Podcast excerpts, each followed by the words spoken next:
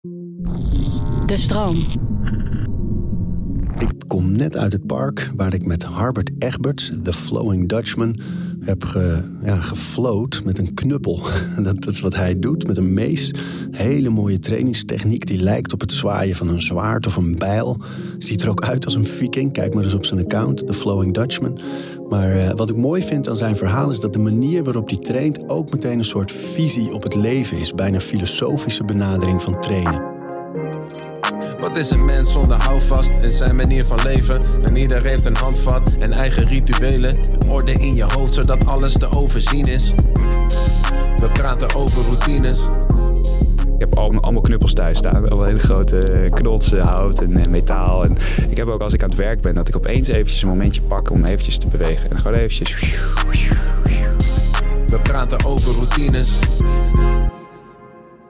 Ik kwam jou natuurlijk eh, op het spoor gewoon als The Flowing Dutchman, je Instagram-account. Eh, zeer aan te bevelen om te volgen, gewoon omdat het fascinerend is op allerlei vlakken waar we het nu over gaan hebben. Hmm.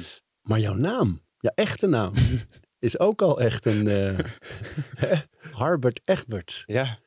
Leg eens uit. Nou, mijn, eh, mijn echte namen zijn eigenlijk Harte.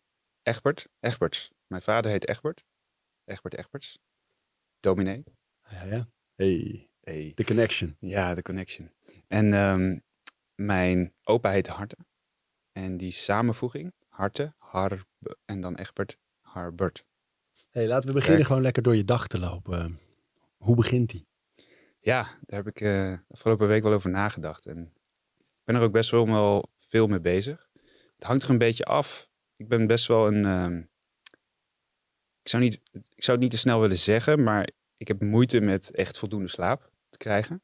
Ehm, dus ik probeer altijd geen wekker te zetten, uiteraard. Of tenminste, ik probeer niks ervoor te zorgen dat ik iets heb in de ochtend, zodat het, als de kans er is, dat ik dan nog tot half acht doorslaap. Maar vaak gebeurt dat niet.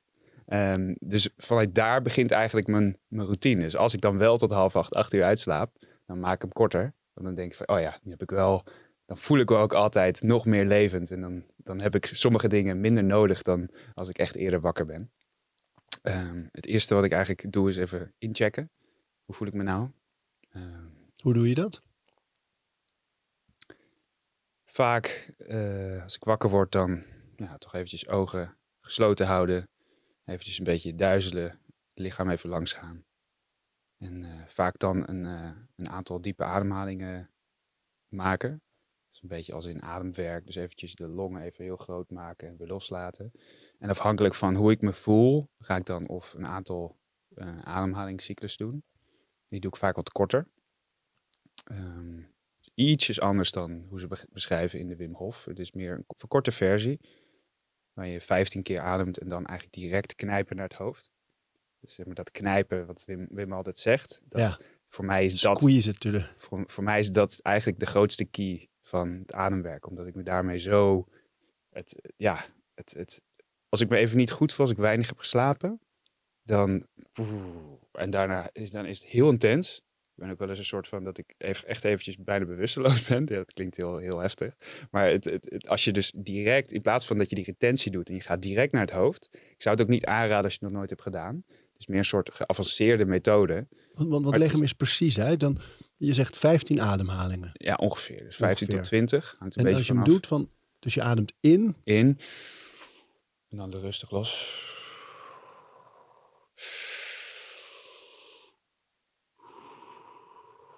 En waar zit dan die squeeze? Na de vijftiende. Ah. In en squeezen. En eh, in de ochtend doe je dus echt om eh, jezelf ook even aan te zetten wel. Ehm, ja, maar dus als ik, als ik goed heb geslapen, is het gewoon helemaal energiek. Dus ik ben niet echt een hele moeilijke opstaan. eh, eh, Je hebt altijd wel zin in de dag. ik heb, ja, ja, tenzij ik dus nou ja, minder goed heb geslapen. Dat gebeurt af en toe. Dus één keer in de week of twee weken. Ik Komen we ook nog wel zo. Ja, precies. En wat je daar dan nog meer voor doet. Maar precies. ehm, na die ademhaling, dan Ja. heb je dus nog niet gegeten. Dat is allemaal denk ik nog in bed een beetje in de buurt. Ja, gegeten. Direct in bed. Hup. Hupsakee. Calorieën.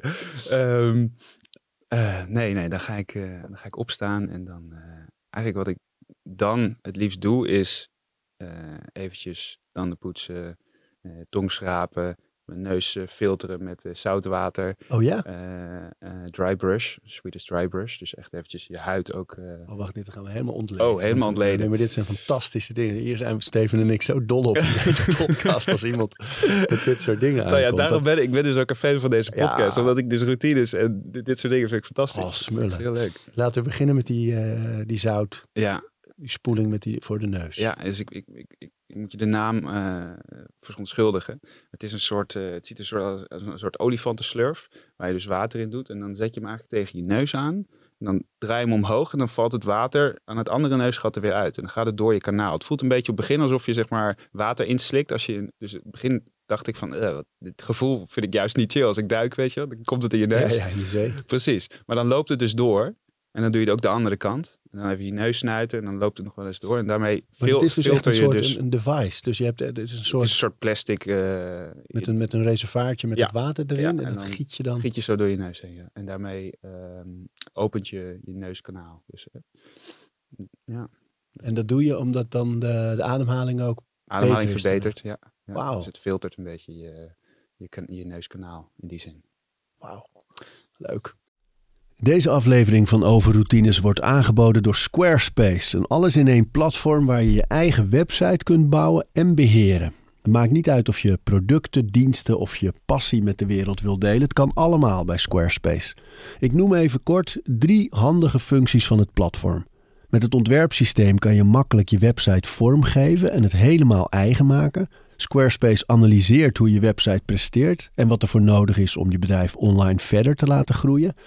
En ook kan je abonnementen en exclusieve content aanbieden aan betalende leden. Start nu je gratis proefperiode via squarespace.com/overroutines.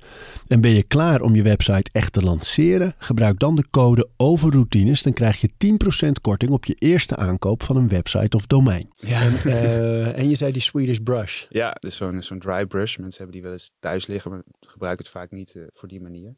Dus ook kun je de huid.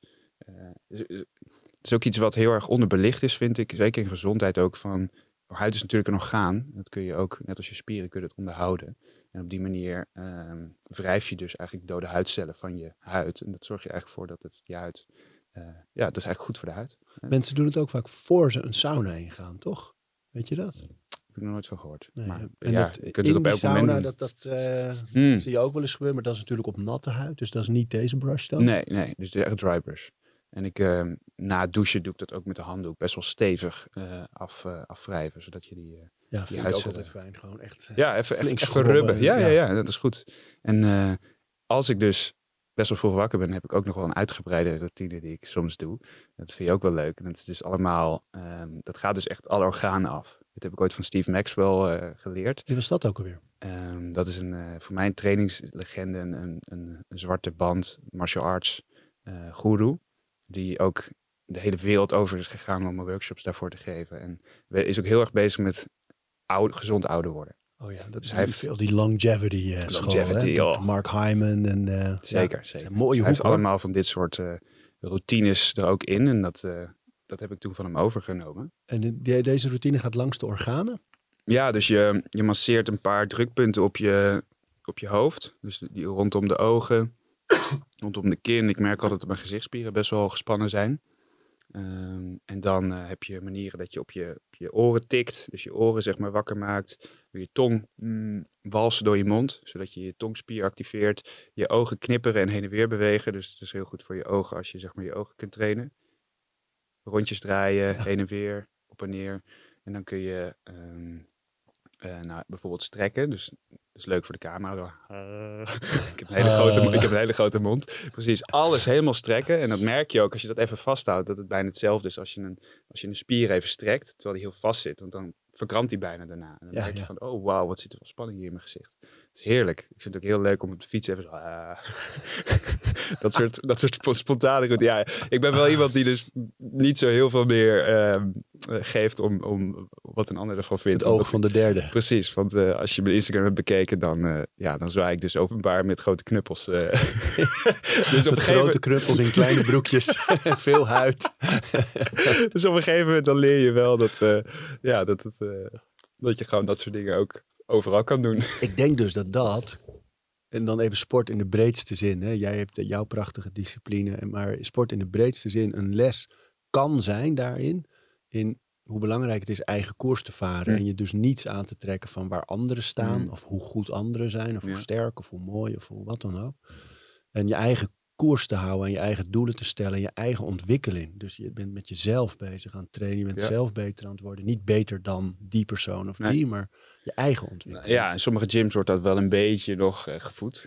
Nou, sterker nog, ik denk dat het ook meteen het grootste gevaar is in Ja. sport. En Ja. helemaal in de social media, die verder op heel veel vlakken fantastisch zijn. Maar in dat opzicht natuurlijk ook wel een risico vormen. In dat je voortdurend benadrukt waar anderen mee bezig zijn. En, en je Mm. bijna gedwongen wordt je te vergelijken. In aantal likes, in aantal volgers, in wat een ander kan, kan. In hoe mooi de filmpjes zijn, in hoe spectaculair de oefeningen. Dat, daar zit heel veel risico ook, waar veel Ja. mensen last van hebben. Maar, Ja, als je eenmaal op zo'n kanaal gaat, net als ik, ga- op een gegeven moment merk je ook van ja, je kan sommige dingen die je deelt, die, eh, die werken goed. En sommige dingen die je deelt, die werken minder goed. En dan ga je uiteindelijk ga je toch meer hetgene Ja. doen wat wel werkt. Ja. Zo, zo gaat alles een soort van in die fuik van. eh, eh, ja, en dan, dan ben je nog wel. Je doet wel wat je doet. Alleen ja, je maakt toch altijd beslissingen over Ja. wat, je, wat je wel of niet deelt. Maar tegelijkertijd, en dat vind, vind ik jouw account een heel mooi voorbeeld van, is natuurlijk, het is spectaculair en je zal binnen dat genre dingen hebben die het beter doen dan andere dingen. Mhm. Maar het is ook heel eigen. En ik denk dat daar het Ja. grote verschil zit. Als, als Ja, tuurlijk, authentiek is en er- je bent bevlogen en je houdt van wat je Mhm. doet, dat voelen en zien mensen. En ik denk dat dat andere fenomeen, wat je ook heel veel ziet, is, is een soort hack van dit vinden mensen tof, dus dat ga ik doen. Ja. En dat wordt neppig, dat wordt bedacht en geformateerd.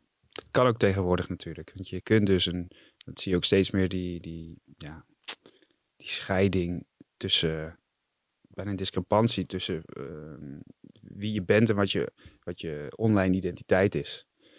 Dus dat je, je kunt iets bouwen wat je misschien zelf niet eens bent. Maar je kunt ook delen wat je bent. Ja. En dat, daar zit, daar zit, daar zit, daar zit iets waarvan ik denk van ja, je kunt het op een bepaalde manier heel leuk gebruiken. Dat je echt deelt van je enthousiasme. Je deelt leuke dingen, je deelt soms minder leuke dingen. Je deelt dingen die in je leven omgaan. Of je bent iets aan het opbouwen omdat je iets wil bereiken. En, eh, en dat gaat eigenlijk voorbij aan wie je bent. En daarmee is het een soort masker, een persona wat je, ehm, wat je opzet. Ja. Wat we in het leven natuurlijk ergens ook doen. Ja, ja, ja, Want we zijn allemaal hebben we onze maskers en onze rollen. Ja. Ehm, Maar ik denk dat, dat dat een hele mooie afweging is ook altijd je af te vragen bij socials. eh, wat heeft een ander hier aan? Hmm. En eh, dat kan inspirerend zijn van, hey, kijk eens wat je allemaal kan met je lichaam en Ja. wat een mooie techniek. En als je heel veel uren ergens in maakt, Ja. dan word je daar waarschijnlijk Ja. beter in als je het goed doet.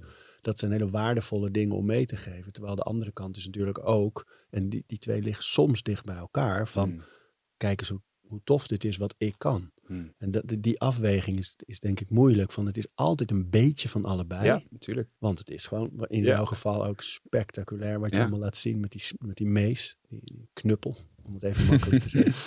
Ja. Eh, maar daar gaan we het straks over hebben. Ik wil even terug naar, Terug naar die ochtend. Aan het brushen. Ja, dat brushen. Die Swedish Zo, brush. Van, van brushen naar social media. Nou, die social media die probeer ik nog iets langer uit te stellen. Dus, eh, dus dat doe je dan om de, de dode huidcellen te Ja. verwijderen en om je huid dus gewoon gezond en, Ja. en, en sterk te houden. Ja, ja. Radiant. Je, hebt ook, je straalt ook echt. Hè? Dus die brush gebruik je niet op je gezicht.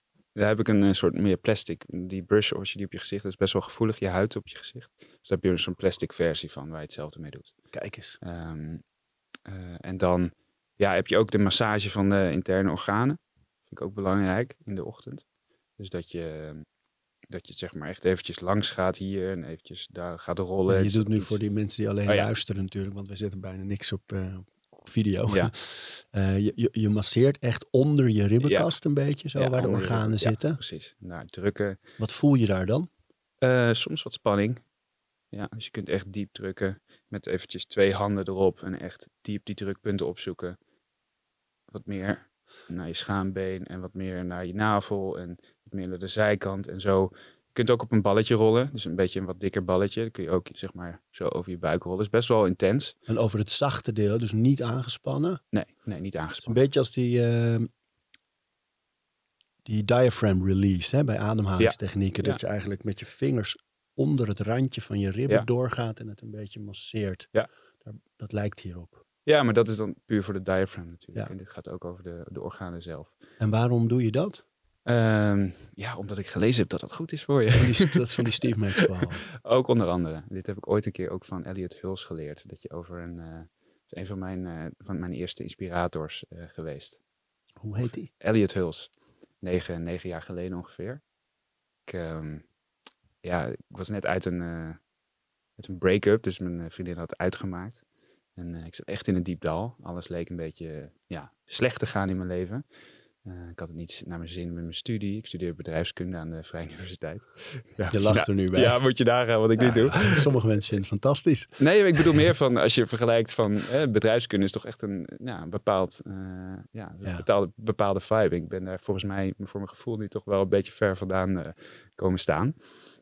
Ehm, en eh, ja, alles leek in een soort van negatieve spiraal te zitten. En juist dat, dat uitmaken was voor mij een soort transformatieproces. Waar het echt, waar ik echt dacht, als dit gebeurt, dan, dan ben ik de Sjaak. Dan, is, dan ga ik naar, weet ik veel, Australië. En dan ga ik gewoon eh, reizen. En dan oh, moet ik even mezelf gaan zoeken. Want volgens mij zit ik echt in de put. Ehm, en eh, toen liep ik bij een psycholoog. En toen precies, toen dat gebeurde, toen brak ik. En dat was eigenlijk het moment dat ik een soort van opende. En dat ik de muur die ik had opgebouwd, een soort van viel. En dat ik opeens eventjes bloot was en dacht van, oh, maar ik weet het eigenlijk niet. Goeie psycholoog. Ja, ja. Alleen dat had dus, hij had bijna dus de, de neiging om me door te sturen daarvoor. Omdat ik dus echt groot, ja, ik ben, ik zeg maar, ik ga dat intellectuele spelletje spelen. Dus ik kan iemand heel goed, ik kan mezelf altijd, ik kan altijd ergens een manier voor vinden waarom iets zo is. Hè, dus, dus daar, daarvoor zat ik, ik noem dat ook wel de monkey mind. Dat je een soort van, s'nachts kan ik dat ook wel eens mee spelen. Als ik vroeg wakker word of in de nacht wakker word. Dat je een soort van dat aangaat en dat je een soort van, je, je gaat jezelf strik, strikken. Je gaat denken, oh, ik ben nu wakker. Oh, ik probeer nu deze ademhaling te om in slaap te vallen. Van, haha, doe dat maar niet. Weet je, en dan zo ga je zelf. En dan denk ik echt, oh, wat, wat doe ik nou? Weet je wel? Hoe kwam het dan dat je in dat gesprek toch echt brak? Omdat eh, precies een kwartier voor dat gesprek had ze het verteld dat ze daarover nadacht. Oh, Dus ik heb alleen maar gehuild. zo. hé. Een uur lang. Ehm, ja, en eh, toen was ik al een beetje op YouTube aan het kijken naar inspiratie. En eh, toen kwam ik dus onder andere hem tegen. En hij vertelde gewoon dingen over het leven. Hij vertelde dingen over relaties. Over dat je jezelf. eh, dat, dat, het, dat je samen iets moet groeien. En dat je niet moet klingen. Dat je niet samen moet knappen. En, dat was ik heel erg aan het doen. Ik was heel erg mezelf aan het eh, gooien in de, in de ander. En dan afhankelijk worden. In plaats van dat je zelf jezelf kunt opbouwen. Daar heb ik heel veel inspiratie uit opgehaald. En toen ben ik begonnen met mediteren. Ik ben, training was al onderdeel van mijn leven. Maar ik heb het toen echt... Sindsdien train ik elke dag. Als in het is echt een onderdeel van, een, van wie ik ben geworden. Zijn allemaal dit soort dingen. En ook toen ik later weer een nieuwe vriendin kreeg. Toen heb ik ook heel duidelijk gemaakt. Dit blijf ik doen. Dus los van... Hè, dus ik blijf een half uur mediteren. Ik blijf eh, sporten. eh, no matter what. Hè, hoe verliefd je ook bent. Hoe, het is altijd een moment dat ik eventjes zelf bezig ben. En dat ik het zelf losmaak. En dat ik kan inchecken. En dat is een, eh, een moment geweest voor mij... waar echt heel veel is veranderd. Waar ik opeens... Ik had het al een beetje door tijdens mijn bedrijfskundestudie. Maar toen kwam ik achter dat filosofie echt fantastisch vond. En vooral voornamelijk de Oosterse filosofie. Ik ben toen heel erg gaan verdiepen in Alan Watts. Een van mijn, eh, een van mijn helden. Ehm, en eh, dat heeft me heel veel geleerd over het leven. Over uiteindelijk ook flow. En eh, het grappig genoeg dat dat uiteindelijk door, door ehm, zwaaide, letterlijk, naar de tools. Ja, want, want daar gaat het vooral over de flow state, hè, waar je in kan komen als Mhm. je creatief werk doet of ander Ja. soort werk. Dat je ineens ergens in zit, de tijd vliegt, je blijft maar gaan en het gaat lekker. En er, er is even niets anders dan die, echt die vloeiende beweging van Mm. productie. Ja. En, eh, maar jij vertaalt hem heel naar het fysieke natuurlijk ook nog eens. Ja. Dat je, nou ja, daar, daar wil ik het straks over hebben. Want ik vind het zo mooi die scan die je doet in de ochtend. Als je meer tijd hebt, daar zijn we nu. Je, Eh, je, je bent op allerlei plekken geweest. Je hebt die Ja. organen gemasseerd. Ja. Nog meer? Even kijken. Ja, dus het, eh, het tappen, het hoofd masseren. Dus met, een, met zo'n borsteltje even zeg maar, door, je, door je haren heen eh, wrijven. Zodat je hoofd ook ehm, op die manier, je, je, je, je hoofdhuid ook echt eventjes gemasseerd wordt. En dan ga ik, dan ga ik douchen. En dan ga ik koud douchen. Ook al lang. Ongeveer een minuut ongeveer. Ehm, echt, ik begon daar ooit mee omdat ik een filmpje van TEDx had gezien van iemand die zei, ja, kun je niet eens kun je niet eens één minuut even comfortabel zijn met jezelf? Wie ben je dan? Weet je, dat was een beetje toen die motivatie. Dat was rond diezelfde tijd dat ik echt dacht van ik moet mezelf oppakken. Eh, ik, ik, heb, ik heb lopen slapen. Ik, merk dat ik aan de, ik kan gewoon aan switches draaien en ik kan, kan ontwikkelen. Dat, dat was echt een moment dat ik realiseerde van ik, ik kan gewoon. Ik heb zelf de, de, wereld is mijn spiegel. Dat is wat ik toen heel veel zei. ik werkte toen in de horeca en ik zei het de hele tijd. De wereld is mijn spiegel, de wereld is mijn spiegel. En ik had door van hetgene wat ik projecteer, dat krijg ik ook terug. En ik merkte ook dat die oudere versie van mezelf, dat hetgene wat ik kreeg, hetgene was wat ik projecteerde. dus ik was iemand die heel vaak ja maar kon zeggen. Ja maar, ja maar. Ja, dat kun je eindeloos door blijven zeggen. En dat is echt een spelletje. Als je dat eenmaal gaat doen, van ja, dan kun je, dan kun je jezelf helemaal in vast, uh, vasttrekken. En dit is negen jaar geleden. Ja. Ongeveer. Ja, ongeveer. Ja, want dat is mooi hè, dat je nu deze jaren, in de laatste drie, vier jaar met name, dat je die hele stoïcijnse beweging waar dat zo'n gegeven is, Mhm. hè, de, the obstacle is the way van Ja, Ryan ja, ja, Holiday. een fantastisch boek. Ehm, dat de uit je comfortzone gaan, het oncomfortabele even opzoeken, dat dat zo waardevol is. Dat is echt nu is. Er zijn heel veel mensen daarmee bezig, maar jij was toen al. Je dacht, dit, was- is voor mij iets. Ja, dit noemen ze hormesis. Dat is eigenlijk die adaptatie van, van, een, van een negatieve prikkel. Eh, en dat heeft dan een positief effect hè, als het gedoseerd wordt, net als een vaccinatie. En eigenlijk ben ik dit op alle vlakken, voor mij is dit een deel van ontwikkeling, op alle vlakken gaan doen. Dus je kunt het met kou doen, dat je lichaam gewend raakt aan kou. Je kunt het met hitte doen. Maar je kunt het ook doen met sociale gesprekken. Ga maar eens naar een feestje. Ga maar eens, die, ga maar eens de hele tijd andere mensen opzoeken om ze eh, gesprekken mee aan te gaan. Dat is ook hormezen.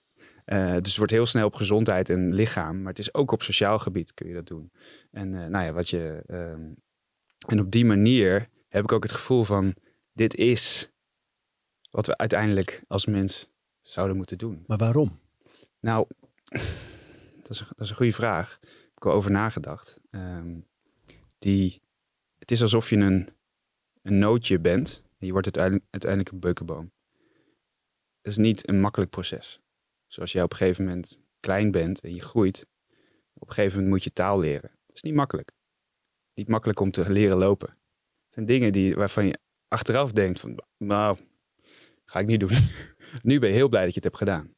Maar het, het, gaat, het gebeurt automatisch. Op dat moment denk je er nog niet over na. Dus nu zou jij, jij zou nu kunnen denken, ik ga nu de mees leren. En dan moet je echt eventjes weer, we hebben het net al een beetje gedaan. Je moet echt eventjes door dat moment van, oh, ik kan het echt niet. en dan, oh, wacht, ik kan het wel. Als je dat eenmaal vast hebt, dan kun je het leren. En op een gegeven moment krijg je ook groeipijn als je groeit. Doe jij het goede? En wie is de jij die het goede doet? Dus dat, dat, daar ga ik even heel diep. Maar uiteindelijk ontstaat dat. Dat is iets wat automatisch gebeurt. En dit noemen ze in het Chinees ook wel ziran. Ziran betekent eigenlijk hetgene wat uit zichzelf gebeurt. Volgens mij is dat de levensenergie, zeg maar hetgene wat automatisch gebeurt. En heeft ook te maken met in die zin de flow van het leven. Als jij leert om die flow in je leven te creëren, dan ben je veel minder zelf aan het nadenken over wat je doet. Zelf proberen beslissingen te maken. Maar het is veel meer dat je overgeeft aan hetgene wat door je heen komt. En het klinkt heel, klinkt heel vaag als je daar ehm, geen ervaring mee hebt. Maar uiteindelijk doen we dat in een bepaalde manier toch. Want je kunt nooit, je kunt nooit een beslissing helemaal uitdenken. Je kunt nooit met je, met je hersenen helemaal uitdenken van wat zijn we nou precies aan het doen. En hoe kan ik de beste beslissing maken. Nee, je moet een beslissing maken. En dan moet je daar iets van, iets van maken. Van die beslissing. En, dat dat, is is dus, dat is dus in plaats van het... Sorry dat ik je onderbreek. Nee. Ehm, dat is dus in plaats van roeien, leren zeilen. In plaats van tegen die stroom in proberen te gaan. Wat ik dus voor mijn gevoel mijn eerste twintig jaar in mijn leven heel erg heb gedaan. Heel erg roeien, heel erg met die dieseltreinachtige zo'n doordrukken. Nou, op een gegeven moment ontspannen en leren om mee te bewegen met de wind. En dan worden dingen die je doet, worden makkelijker en kosten minder moeite en minder effort. Ik, ik denk, ik vind dat heel mooi, die filosofie. En ik geloof daar ook in. Mhm. Ehm, zie dat zelf ook zo. Maar, en tegelijkertijd ben ik altijd benieuwd hoe mensen nadenken over de toepasbaarheid daarvan in meer reguliere levens. Weet Mhm. je wel, jij en ik, we hebben best wel levens die we zelf heel erg kunnen indelen Mhm. en, eh, en invloeden. En misschien geldt dat voor iedereen, maar er zijn natuurlijk heel veel mensen eh, die werken bijvoorbeeld van 9 tot 5. Die hebben daarna thuisverantwoordelijkheden. En hoe is deze filosofie te vertalen naar dat meer gebruikelijke leven? Nou ja, er zijn constant dingen die je uitdagen tot verandering. en tot eh, positieve adaptatie. Kun je een Dus- voorbeeld noemen ervan? Voor zo iemand? Nou ja, als jij vastzit op je werk, je hebt het gevoel, eh, je hebt de calling. Waar komt die calling precies vandaan? Hè? Dat is leuk, van ik wil eigenlijk iets anders doen. Eh, ik krijg te weinig betaald. Ik moet een promotie aanvragen. Dat zijn oncomfortabele situaties waarin je dus kunt groeien. Je kunt het uit de weg gaan of je kunt het aangaan. En dus voor mij is dit helemaal hetzelfde. Iedereen die gaat hier de hele tijd mee. Eh, alleen ik, doe het, ik zoek het iets meer op. Ik zoek het ook op op hitte en kou. Want iedereen die, als ze naar buiten gaan, doen ze een jas aan. Als ze binnen aan, gaan, doen ze verwarming aan. Het is eigenlijk heel iets gaars. Het is heel iets geks. Het lichaam die kan dat gewoon zelf reguleren als ze daar eh, beter in wordt. In die mogen, net als een intern compassie. Je lichaam kan, je, je, kunt jezelf beter oriënteren. Maar als je het niet gebruikt, dan gaat het weg. En zo zit dat met, in het dagelijks leven zit dat ook, de hele tijd. Ehm, dus, voor, voor, en dus voor mij is hetgene wat ik nu ook doe, is een resultaat van dit uitvoeren. Dus, het, nu zit ik in een situatie waarin ik dus ehm, meer vrijheid heb om mezelf te doen. Dat heb ik ook heel bewust gekozen. Ik heb op een gegeven moment ook gekozen, ik ga die bedrijfskundestudie niet afmaken. En ik ga iets, terwijl ik wel heel erg uit dat milieu kom. Al mijn vrienden die hadden VWO gedaan, al mijn vrienden gingen studeren. Iedereen om me heen, die deed dat. En ik begon mijn bedrijf en ik gaf groepslesjes buiten op het Museumplein. Met, eh, met stokken zwaaien, met kettlebells gooien. En iedereen dacht van, hoe ga je je leven verpakken? En dat was dat moment. En Maar ja, dat was omdat ik dus eigenlijk al daardoor... Ik kon niet meer anders. Ik had Nou, gewoon... En het, ik vind het heel mooi wat je zegt, dat, dat dat wel in elk leven mogelijk is. Want in elk leven komen momenten voor van oei, dit is een gesprek waar ik tegenop zie. Eh, oei, eh, ik, ik moet eigenlijk nog steeds eh, die deur repareren. Oei, die douchekop die lekt al een tijdje. Dit zijn allemaal dingen waar je tegenop ziet, die moeilijk zijn, die vervelend zijn, die in de weg kunnen zitten, die ruimte in je hoofd opnemen. En dat zijn dus eigenlijk de voorbeelden in zo'n leven, toch? Ja, maar, ik, Doe. ja, maar zo'n leven, het is, het is meer het... Het is voor iedereen. Dit is de hele tijd gaande. Wij, we hebben zeg maar zo'n verschil van, nou, kijk, hij, die heeft zijn eigen, hij heeft zijn eigen bedrijf. Hij heeft iemand. Hij, je bent alsnog jezelf. Of Ja. je nou voor iemand anders werkt of niet. Dat, dat maakt heel weinig uit voor wie je echt zelf, eh, hoe je zelf in de wereld staat. Ik vind het mooi dat jij het net over had. Ik was in slaap eh, gevallen, eh, zei. De, je hebt nu ook een heel mooi boek, dus net uit. The Comfort Crisis. Hm. Schrijver ontgaat, kunnen we opzoeken. Ehm, maar dat gaat hierover. Dat wij in ons leven inderdaad in die warme huizen. En alles maken we zo comfortabel mogelijk voortdurend. En we zijn eigenlijk helemaal niet meer klaar voor, eh, voor, voor een crisis. We zijn niet... We kunnen eigenlijk het leven niet aan zonder al dat comfort. En hij legt ook in dat boek heel mooi uit wat, waarom je dat, eh, die discomfort, dat oncomfortabele, wel op zou moeten zoeken voor je ontwikkeling, voor je groei, voor, om echt te leven. En dat hoor ik jou eigenlijk nu zeggen, dat je het aan de lijve hebt meegemaakt van dit was mijn leven zoals heel veel mensen dat leven, maar een beetje in slaap gesukkeld. Ik, ik was echt een slachtoffer als ik terugdenk. Ja? Ik, ik, Van? van? van de omstandigheden. In mijn hoofd, hoe het nu werkt, dus jij creëert je omstandigheden. En toen was het andersom. Omstandigheden.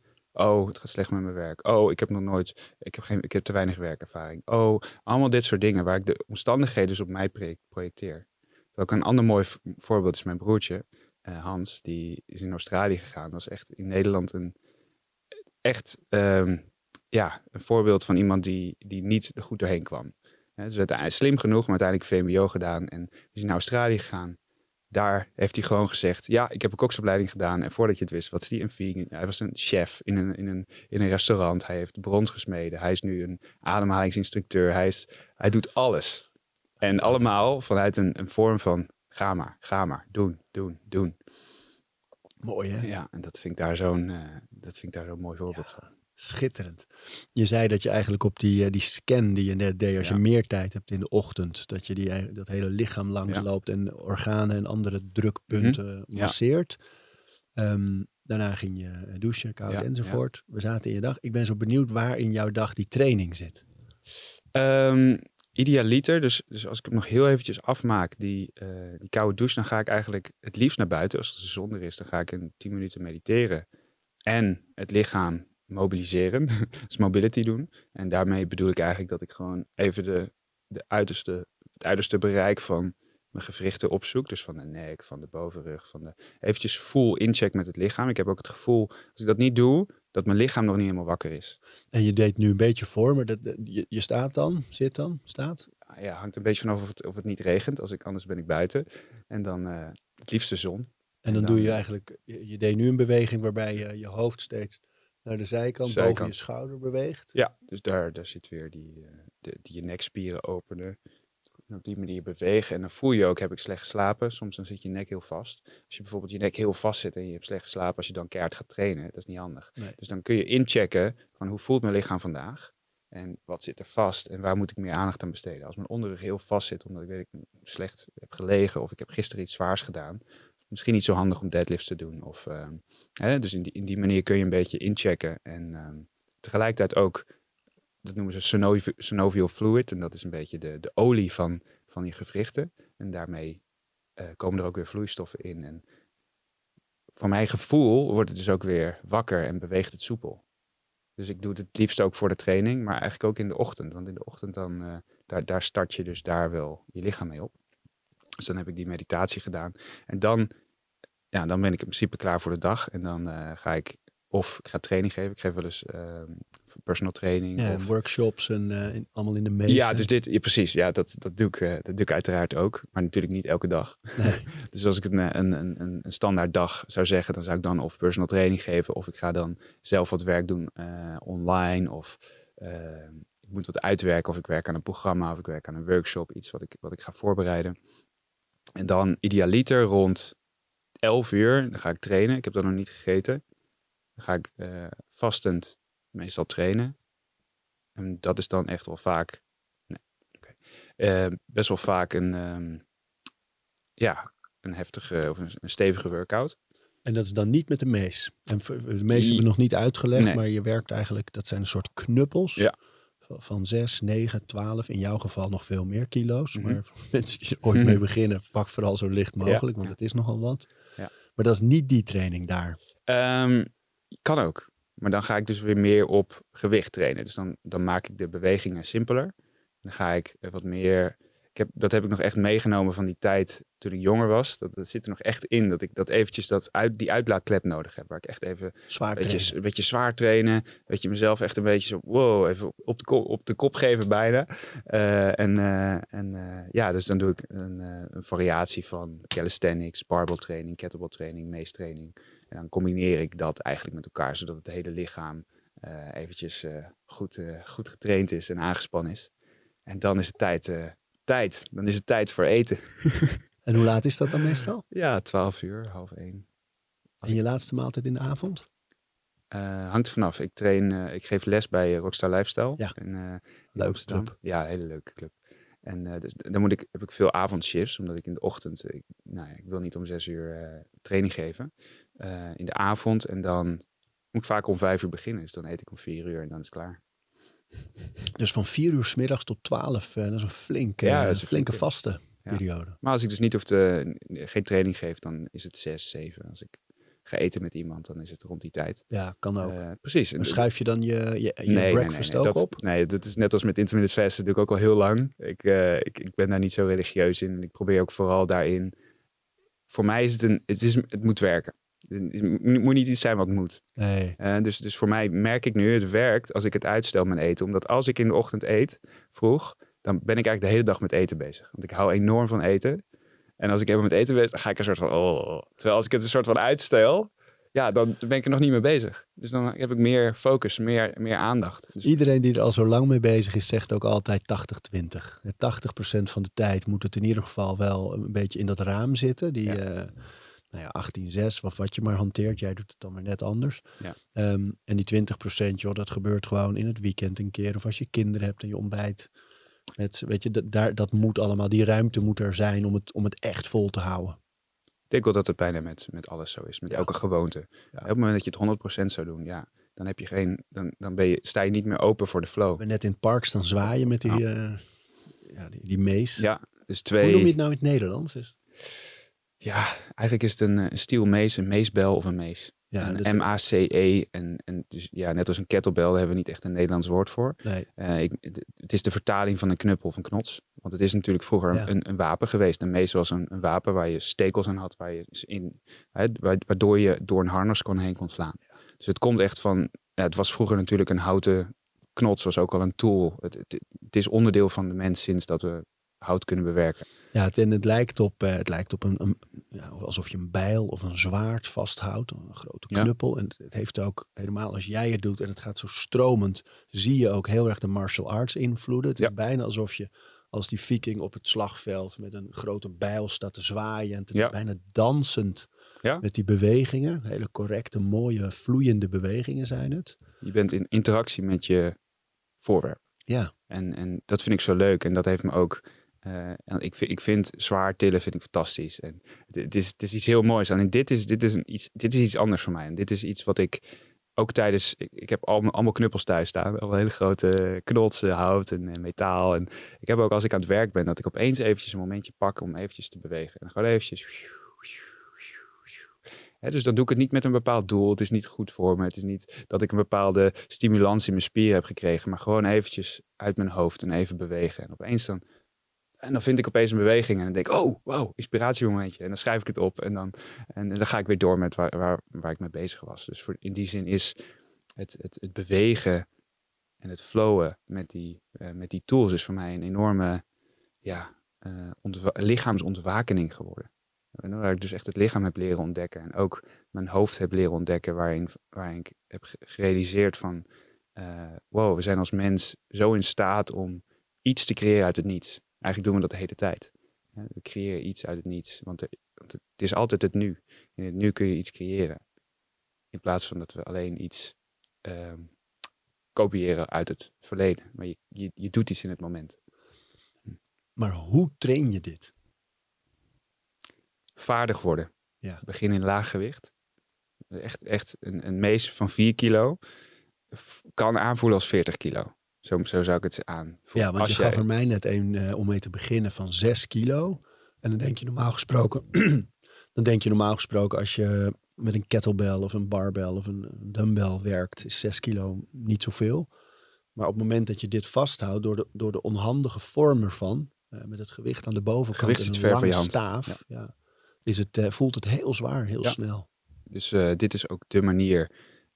Uiteindelijk, hoe, hoe leer je iemand die skill aan? En ik, wat, ik, wat ik heb gemerkt en wat ik heb geleerd door de jaren heen dat ik mensen hiermee heb getraind, is let go, let God. Ik zei het net ook al tegen jou. Je moet leren bewegen. Dus je hebt een, een, een moment dat je richt, dat je richting geeft. Net als dat je richting kunt geven in je, in je leven naar een bepaald doel kunt schieten. Zo moet je richten. Als je hebt gericht, dan moet je loslaten. Als je dan nog gaat proberen om die pijl van richting te veranderen, hè, dus nadat je hebt geschoten als een eh, boogschutter, zo, oh nee, nee, toch iets meer naar rechts. Dat kan niet meer, want je hebt losgelaten. Dus op het moment dat je hebt gericht, je hebt omhoog gedrukt, dan moet je hem laten zweven achter je hoofd. Dan moet je handen bijna als het ware, je armen, je spierspanning loslaten. En dan die mees een ding laten doen en dan weer terugtrekken. En deze beweging, ehm, het, het, het controleren en de balans tussen de chaos en de orde, de yin en de yang van die mees, dus ook van het leven in een bepaalde manier, zo zie ik het ook echt. Dat het een, je, kunt iemand, je kunt iemand leren om hier met deze, met deze balans te spelen in het leven, door ze alleen maar te leren om met deze tool om te gaan. Omdat sommige mensen die komen, en die zijn ontzettend gespannen. Dus die spannen de hele tijd aan en dan hebben ze heel veel moeite om dat ding te controleren, omdat ze hem niet loslaten. En sommige mensen die gaan als een chaot, gaan ze, gaan ze cirkels creëren. Gisteren had ik iemand op mijn workshop die, die zei op een gegeven waar ik zei van rustig aan. Je bent te veel chaos aan het creëren. Toen zei hij, oh, dit is precies mijn leven. Dus dat doe ik ook in het leven. ja. en, en toen noemde hij ook dat het, het was net uitgegaan, uitgegaan met zijn vriendin. En hij noemde ehm, een hele lange relatie. En hij noemde van, ja, wat je net zei over dat je richting geeft en dan loslaat. Het hit me hard. Als in van, dat, maar dat gaf een soort bewegelijke interpretatie van hetgeen waar hij zelf dus ook mentaal doorheen ging. En, en daar had ik zoiets van, wow, dit, dit is echt heel krachtig. Want als je dus die, als je iemand iets kunt leren en kunt ervaren van hoe het is om daar doorheen te gaan, om los te laten, of juist om weer meer controle te creëren en hè, dus, dus meer balans te vinden in de yin en de yang. Als je dat in- met die tool kunt, en dan kun je dat ook overzetten naar het leven. Want hoe werkt dat dan? Dus dat je, ik kan me voorstellen dat je dan als voorbeeld hebt van nou, ik, ik heb een bepaald doel, hè, ik heb een richting gekozen. Mhm. Ehm, maar ik, ik wil volhouden, ik moet doorzetten misschien soms waar het Ja. moeilijk wordt. Dit, is, dit, moet zijn, het wel laten vloeien. Hoe doe je dat dan? dit zijn manieren om die beweging aan te leren. Net als dat je een, eh, een, een, eh, nou ja, een squat kunt aanleren. Dus als je op een gegeven moment door hebt, dan, dan ga je hem nooit meer anders doen. Want je weet, je gaat je, voelen is begrijpen. Dus je gaat, je gaat af op hoe het voelt. En uiteindelijk is deze techniek is de manier hoe je het, meest efficiënt zwaait. Als je dat eenmaal door hebt, dan kun je, dan kun je dat gaan herhalen. En dan kun je ook je, je hoofd steeds meer, zijn, je onbewustzijn zijn ding laten doen. Dan gaat het dus steeds meer die, dan gaat het automatisch. Dus dan ben je automatisch al aan het richten. Ik denk dus ook dat je dat in het leven kunt doen.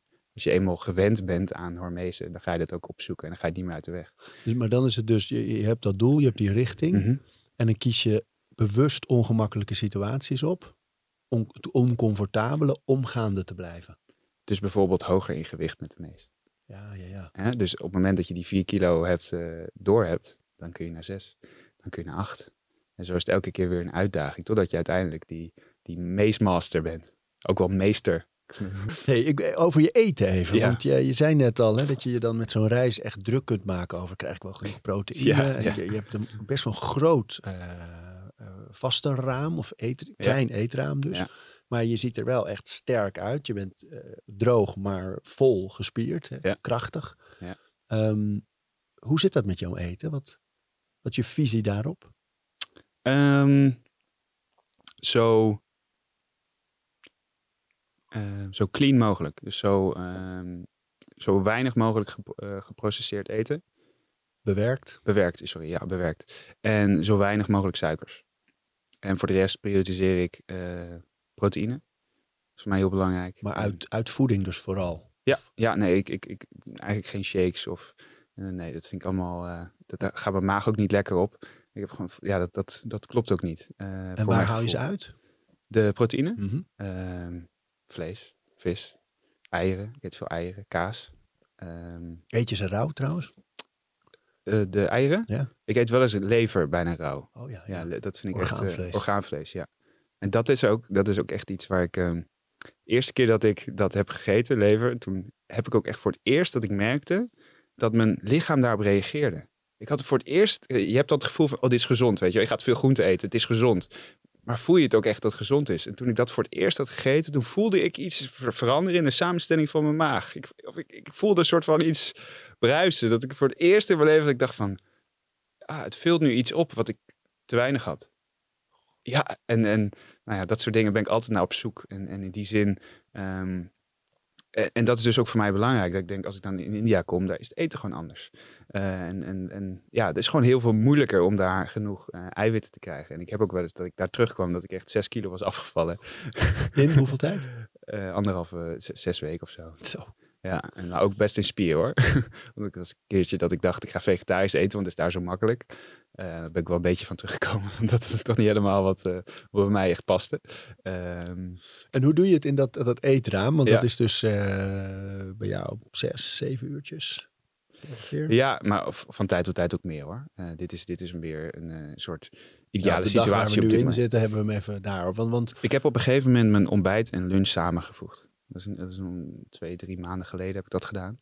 Want op een gegeven moment at ik dus wel in een soort raam. Alleen dan, dan ontbad, ontbeet ik om 11 of 12 en dan ging ik lunch om twee. En uiteindelijk ben ik achtergekomen van, dat is eigenlijk heel erg niet logisch. En dat kost ook alleen maar veel energie, want je lichaam moet het dan weer verwerken. Dus vandaar dat ik nu een eh, gewoonte heb gemaakt om gewoon een ontbijt en lunch samen te doen. En daarna te gaan mediteren, omdat ik daarmee mezelf weer hè, dus kalmeer. En dat is echt even een, een, een, momentje weer dat ik even naar buiten ga, dat ik even in de zon zit, het liefst. Of even in de buitenwind of in de regen. Soms doe ik dat ook wel eens, dat ik ga mediteren in de regen. Eh, en dat ik dan eventjes weer Sound of the Rain needs no translation. heel goed onthouden. Zie je, zo werkt dat dus met die muziek, hè? Het blijft hangen. En dan herinner je het je. Nou, precies. Akira de Don, ik ga het opzoeken. Je, je moet het opzoeken, want het is echt... Het is goed. Maar vertel verder, van het eten. Dus je, je voegt ze samen, ontbijt en lunch. Dat betekent dat dat het een, een enorme maaltijd is? Dat is best wel groot. Noem eens. Ehm, dus wat ik nu veel eet is... eh, ik eet eigenlijk altijd wel eieren. Dus eieren, vier, vier tot vijf met kaas en eh kastanje champignons. Vind ik heel lekker, die combinatie. Soms ook eh, een beetje spek erbij. En nou ja, dat, is echt genieten. Ehm, weinig brood. Wat ik er dan vaak naast maak is, eh, met avocado doe ik er ook vaak bij, is of een chiazaad pudding. En dan is het wel echt een significant grote chiazaad pudding. Of een shake met waar dan weer kwark in zit en, en havermout. Of juist havermout maken weer met, eh, Dus verse shakes. Je hebt het dan niet over proteïne shakejes. Nee, nee, nee. Dus wel, wel met melk en banaan er doorheen. En uh, uh, soms pindakaas of soms juist groenten. Waar ik dus juist de, de bleekselderij en spinazie er doorheen doe. Um, ik probeer dat een beetje, beetje, te variëren, omdat ik ook door heb van, ik, ik, ben echt een gewoontedier. Dus als ik het eenmaal vast heb staan, dan ga ik ook Elke gewoon... dag dezelfde shake. Uh, ja, nou, dat, dat, dat, ja, precies. En ik varieerde alleen het avondeten. En nu probeer ik echt meer te variëren ook in, uh, want ik merk ook van, ja, je kunt... Uh, dus heel veel mensen zijn nu bijvoorbeeld um, gevoelig voor melk. Dat heeft ook vaak te maken met het feit dat het gewoon heel erg verhit wordt. Maar ook omdat ze het dan heel veel gebruiken. Soms moet je lichaam, en dat vind ik zo mooi in India, want is je dieet is gewoon helemaal anders. Als je lichaam niet kan ontwend aan hetgene waar het gewend aan was. En wend aan iets nieuws. En dan vervolgens moet het weer opnieuw ontwennen. Dus ook een soort hormese van je um, microbioom. Nou, ik kan het niet onderbouwen wetenschappelijk, maar ik denk wel dat het zo is. Ja, ja, ja dat geloof ik ook hoor. um, uh, dus, dus in die zin probeer ik wel daar ook variatie in te creëren. En dan denk ik ook van ja, op een gegeven moment is het ook goed om eventjes geen eieren te eten. Een beetje, een beetje kip of uh, iets, iets vervangends. Omdat je dan je lichaam eventjes weer kan ontwennen daaraan. Maar proteïne blijft altijd leidend bij jou. Dat je veel proteïne binnenkrijgt via je voeding. Ja, en dat heb ik ook wel heb ik een beetje bij Rockstar Lifestyle ook wel geleerd. Ik, ik ga daar ook weer door die opleidingen heen. En uh, Voor wie niet weet wat het is, het is een, een, een gymconcept eigenlijk met ja. een heel aandachtige personal training uh, vorm. Jullie hebben ook wel small groups volgens mij, maar het is vooral wel, small groups. Ja, maar je krijgt uh, op gebied van training, voeding ja. en een beetje ja, coaching zelfs, hè, krijg je begeleiding. Het is echt aandacht en kwaliteit staan centraal. Hè? Ja. Ja, dus ik ga nu weer door zijn opleidingstraject met Johan, Johan Versluis. En dat vind ik heel leuk en heb ik ook echt wel geleerd. Is Johan ook niet de trainer van Jetse Plat? De, ja, ja, klopt. Ja. ja de Olympier. De, Zeker. Met die enorme staalkabels ja, van ja, armen. die, die komt vaak langs. Dan denk ik heel, wow, Wat deze krachtpats. Ja, deze is zo, ja, dit is echt, atleet. Ja, enorm, enorm. Ja, dat is echt fantastisch. En um, daar heb ik ook wel echt geleerd van, proteïne is niet alleen voor spieren. Hè? Proteïne en vet, daar, daar krijg je daar zitten eigenlijk de, de bouwstoffen in voor je, voor je hormonen, voor je bloedcellen, voor eigenlijk de, bijna, bijna alles. Koolhydraten is het enige waar koolhydraten is energie. En dus je kunt wel heel veel koolhydraten eten, maar dan, dan er zitten er relatief weinig stoffen in die, je, die echt, waar je lichaam iets mee kan doen, ja. mee kan bouwen. Dus, uh, en er zit ook een bepaalde, uh, dat zijn dan nummers, dat je 1,8 per kilogram. Dat heb ik een beetje uitgerekend. Nou, ik weeg over de 90 kilo. Dan zit je al gauw op, uh, ja. dus 1,8 tot 2,2 zit je al snel op de 160, 180 nou, en gram. Met jouw leven dat je eerlijk gezegd wel tussen de 2 en de 3 makkelijk zit hoor. Ja, ik, ik ben echt heel erg actief. Dus toen heb ik ook gedacht van, ja, maar jongens, dan moet ik echt veel eten. dan kan ik niet alleen eventjes een keer kwark eten. Dan moet je echt... Uh, en, en sindsdien merk ik ook dat mijn lichaam daar wel goed op reageert. Als in, ik ben makkelijker... Ik hou makkelijker de, de, de, de spiermassa vast die ik, die ik heb. En uh, ik ben daarin ook, ook sterker geworden. En, uh, en de tweede maal? tweede maal is avond. En dat is voor mij varieert veel. Probeer... Ik heb wel eens koolhydraatarm geprobeerd. Nu doe ik dat af en toe. Dus weer. Beetje keto-achtig. Ja, maar dan, ja, nee, dat heb ik nooit zo religieus gedaan. Om maar in die termen te, te blijven. Dus ik, ik probeer vooral. Um, eten moet wel, het moet er wel van kunnen genieten. Het moet wel lekker zijn. Dus ik probeer, dat is voor mij ook heel belangrijk. Het moet, het moet wel natuurlijk zijn. Dus het moeten mooie producten zijn. Uh, mooie... Kastanje, stamp, champignons. Ja, dat is lekker. Uh, maar bijvoorbeeld, dus in de avond bijvoorbeeld een gepofte zoete aardappel. En uh, ja, uh, steak erbij of, of, of, iets anders met, met uh, gestoomde groenten. Dat vind ik heel lekker. Of ik maak een, een, een pasta met rode linzenpasta. Of dat doe ik veel. Of ik maak een, ja, vaak ook maak ik in grote porties, omdat ik het dan een beetje kan. Is, ik kook best wel veel. Dat was ik op een gegeven moment ook achter dat ik drie keer per week, drie keer per dag kookte. Ja, precies. Ja, dat, dat, dat kost best wel wat tijd. Ja, maar ik hoorde zo'n mooie theorie daarover. Dat zelf je eten koken ja. is niet alleen voor het moment dat je eet, bereidt het je alvast voor. En zelfs zet het je enzymen soms al in werking ja, van we ja, gaan iets eten. Maar ook is het een vorm van aandacht natuurlijk. En van uh, het serieus nemen en respecteren van wat je... Uh, in plaats van bestellen of, uh, of, of makkelijk naar binnen harken... ben je veel bewuster bezig met voeding. Waardoor je ook, echt wetenschappelijk aangetoond, veel beter opneemt. Ja, en je hebt ook meer feit. respect voor. Hè? Dit ja. is natuurlijk een, een, relatieve. Vlees staat op dit moment heel negatief in de, in de media. En het is net als dat suiker dat vroeger tien jaar geleden was, of een vet uh, vijf jaar geleden. Dus het is een soort van. Het zijn van die trends die gaan gaan. Ik denk van ja, maar we zijn ook helemaal losgekoppeld van hoe dat. Ik ben een keer in Thailand geweest en toen zag ik op een gegeven moment dat een. Liepen we langs zo'n klein dorpje en toen zag ik eh, een familie, dus met kleine zoontjes en kleine kinderen, zag ik opeens hoorde zo'n varken piepen. Een heel groot varken. En ze waren dus met die familie, met z'n zevenen, waren ze bezig om hem te temmen en uiteindelijk dus, eh, dus, dus te slachten. En ik van ja, dat maken we niet meer mee als mens. We, we hebben niet meer door dat we dat dat onderdeel is van het leven. Dat je, dat je alleen kan leven als er dood is. Dat en dat is het feit dat wij, we weten alleen dat we leven omdat we, omdat we dood kunnen gaan en omdat we ooit dood waren. Want ja, we zijn hier ooit ook wakker geworden, toch? Ehm, en in die zin is, is, het, is het hele, soort hele cyclus van het leven bestaat uit het rondje, de circle of life, bestaat uit iets wat iets anders opeet en daardoor weer groeit en daardoor weer teruggeeft en daardoor weer zichzelf voedt. En, en dat vond ik zo'n mooi voorbeeld dat ik dat toen zag. Dat ik dacht van, oh wacht, dit, oh, dit, heb, ik, dit heb ik nooit meegemaakt. Zelf de verantwoordelijkheid nemen. Ja, en daardoor, en die, dat zie je ook in die indianenstammen in, ehm, in Amerika, die dan ook echt rituelen hebben voor respect tonen aan zo'n bison. Hè? Dat, dat, dat zo'n dat zo'n beest zich uh, eigenlijk opoffert. En daarin, als je dus voordat je eet, ik doe dit niet altijd hoor, maar ik vind het zo ontzettend mooi, het, het concept, dat je eventjes, alsof je eventjes bidt voor het eten, dat je eventjes je ogen sluit en, en nagaat, wat ligt er op een bord? Waar komt het vandaan? ben er dankbaar voor. En dan, dan, opeens realiseer je, wacht eens even, deze groente komt uit Nederland. Dit komt uit Duitsland, dit komt een hele andere wereld. Dit, komt, dit is quinoa, dit komt uit Peru. Weet je, dat je echt denkt van, wow, wat er nu op mijn bord ligt is zo speciaal. En daarmee ga je ook anders eten. Ja, mooi. Heel uh, mooi. En, en, en opnieuw, dit, dit, dit is een heel dit is niet iets. Ik, ik heb af en toe ook dat ik haast heb. Dat ik te laat ben voor het training geven. Dat ik gewoon. Dat ik echt aan het midden aan het schokken ben. Dat ik echt die laatste hap nog op de fiets aan het opeten ben. Omdat ik te laat ben. Op die manier ben ik ook wel echt wel soms ongestructureerd. Um, dus, dus neem het er niet van weg dat ik dat altijd doe. Maar uh, het is wel iets waar ik op een gegeven moment denk: van ja, dit, het zaadje is geplant.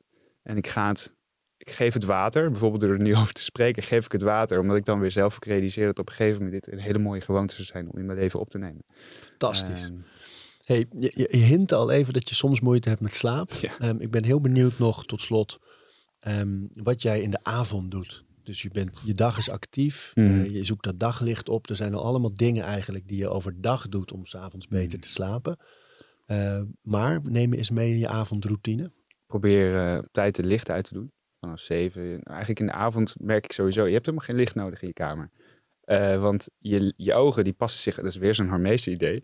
Je, je, bent dus ook niet meer gewend om in het donker te kijken. Dus op het moment dat je dus het licht uit doet, dan opeens dan heb je even één minuut. Net als dat je in het koude water springt, heb je even één minuut dat je denkt, oh, en op een gegeven moment ontspan je. Hè? Dus ook je ogen ontspannen in het donker.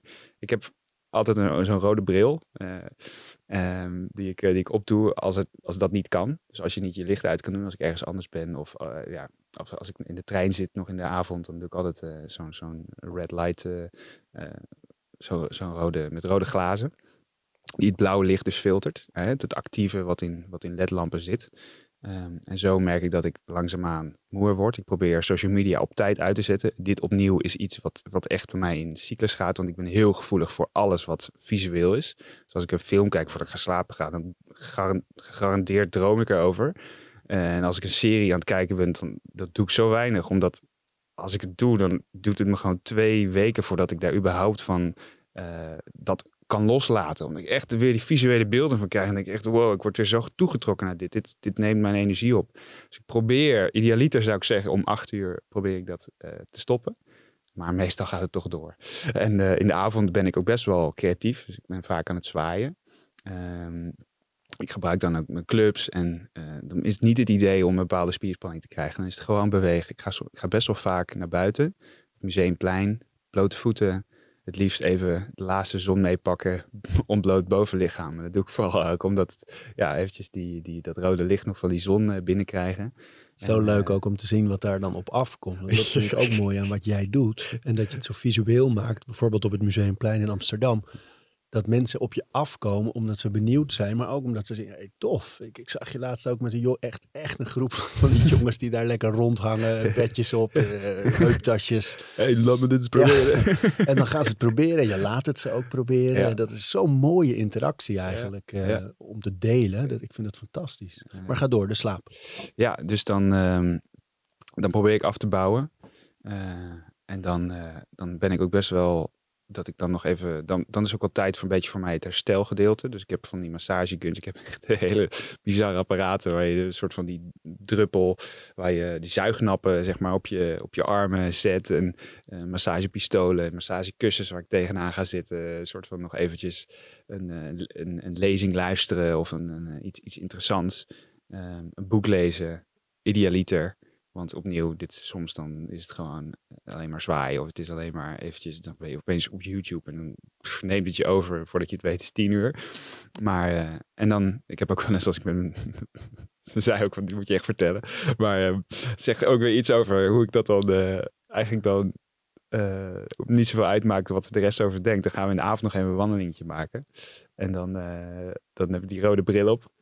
En dan heb ik mijn massagepistool neem ik mee. Dus dan lopen we hand in hand. En dan zit ik met mijn massagepistool zit ik de, met de andere Terwijl hand. wandelen? Ja, gewoon door de stad. Ik, loop, ik woon in de Met pijp. Ik woon in de pijp. Dus dan lopen we langs al die cafeetjes waar iedereen een soort van ja, zit om uh, gezien en bekeken te worden. En tegelijkertijd ook kijken. En dan loop ik daar zo langs. En, ik vind het echt, ik, ik vind het dan fantastisch, weet je wel. Van, oh ja, dan zie je iedereen zo kijken. En dan denk ik van, ja, dit is... Heerlijk. Ik ben gewoon lekker mezelf aan het passeren, weet je. Je kunt wel kijken, maar ik vind het gewoon heerlijk. En, uh, en voor mij is dat dan ook een moment dat ik dat dan wel even inbouw. Want dat is ook belangrijk om, uh, om wel ja, ook, ook die, die zachte kant van training uh, en rust ook mee te nemen. En dan heb ik nog, dan ga ik nog, vaak nog even warm douchen. Dat is ook iets wat ik de laatste half jaar ongeveer erin heb gebracht. Ik merk dat het dat ook een dag indelen heeft ook te maken met die transitiemomenten. En voor mij is warm, een warme douche echt zo'n moment dat ik eventjes, alles is uit, warme douche, dan ga, daarna ga je slapen. Dus lichaam, ja. ja, lichaam weet dat het daarheen gaat.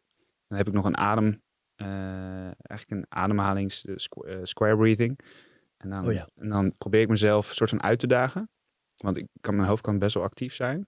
Maar dit werkt voor mij echt als een, als een. Als ik, Want die square breath- breathing? ja, dus dan ga je in voor een aantal seconden. Vasthouden voor een aantal seconden. Uit voor een aantal seconden. En weer vasthouden voor een Ja, aantal seconden. 4, 4, 4, 4. Ja, maar ik doe dat dus 8, 8, 8, 8 of 10, 10, 10, 10. En dan kost het je dus moeite, waardoor je niet meer kan nadenken. Omdat het me maar net lukt. Het grappige is, dan, dan, dan op een gegeven moment probeer ik al mijn spieren te ontspannen. Dus tijdens de inademing heb je vaak de neiging om je gezichtsspieren aan te spannen. Juist.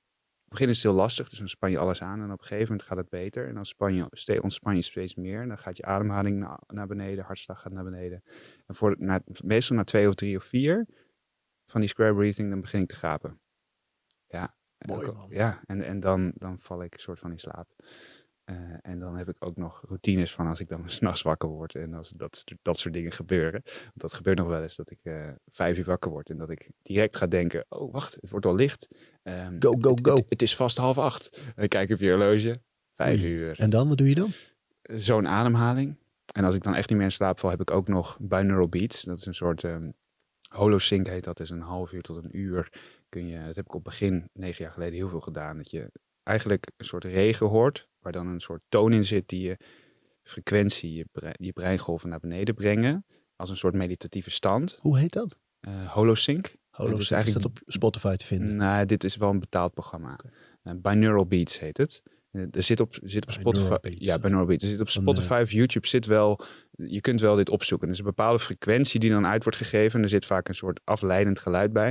En daardoor merk ik dat mijn hoofd een soort gaat ratelen. Want het brengt je dus eigenlijk naar een oncomfortabele situatie. Is een lagere frequentie, waardoor je een soort van gedachten opkomen. En doordat ze opkomen, laat je ze ook uitrazen. Dus je gaat er niet mee versmelten. Op een gegeven moment la- laat je ze uitrazen. En daardoor, ja, op een gegeven moment ben ik gewoon uitgeraasd. en dan, eh, dan zet ik het uit en dan ga ik toch weer proberen die ademhaling of ik dan nog in slaap val. En soms val, val ik dan in slaap en dan denk ik, wow, yes, weet je wel, het is gelukt. soms niet. En dan denk ik, oh. De dag begint wel heel vroeg. Ja, Ja. precies. Ja, ja, uiteindelijk is dat voor mij ook het leren dat dat dan ook prima is. hè. Dus nu heb ik ook niet veel geslapen, maar ja, ik voel me prima. Het gaat eigenlijk best goed. Dus waar maak ik me dan zorgen over, weet je wel? Oh, we zijn er al, Ja, we zijn er al. Ja, Oh, we hebben nog zoveel andere dingen te bespreken. Ah. Maar Ja, maar, Man, dit is, maar ik eh, vind het toch wel mooi dat we, hè, dat we echt bij het begin zijn begonnen en bij het eind. Want ik wil er nog even delen. Ja.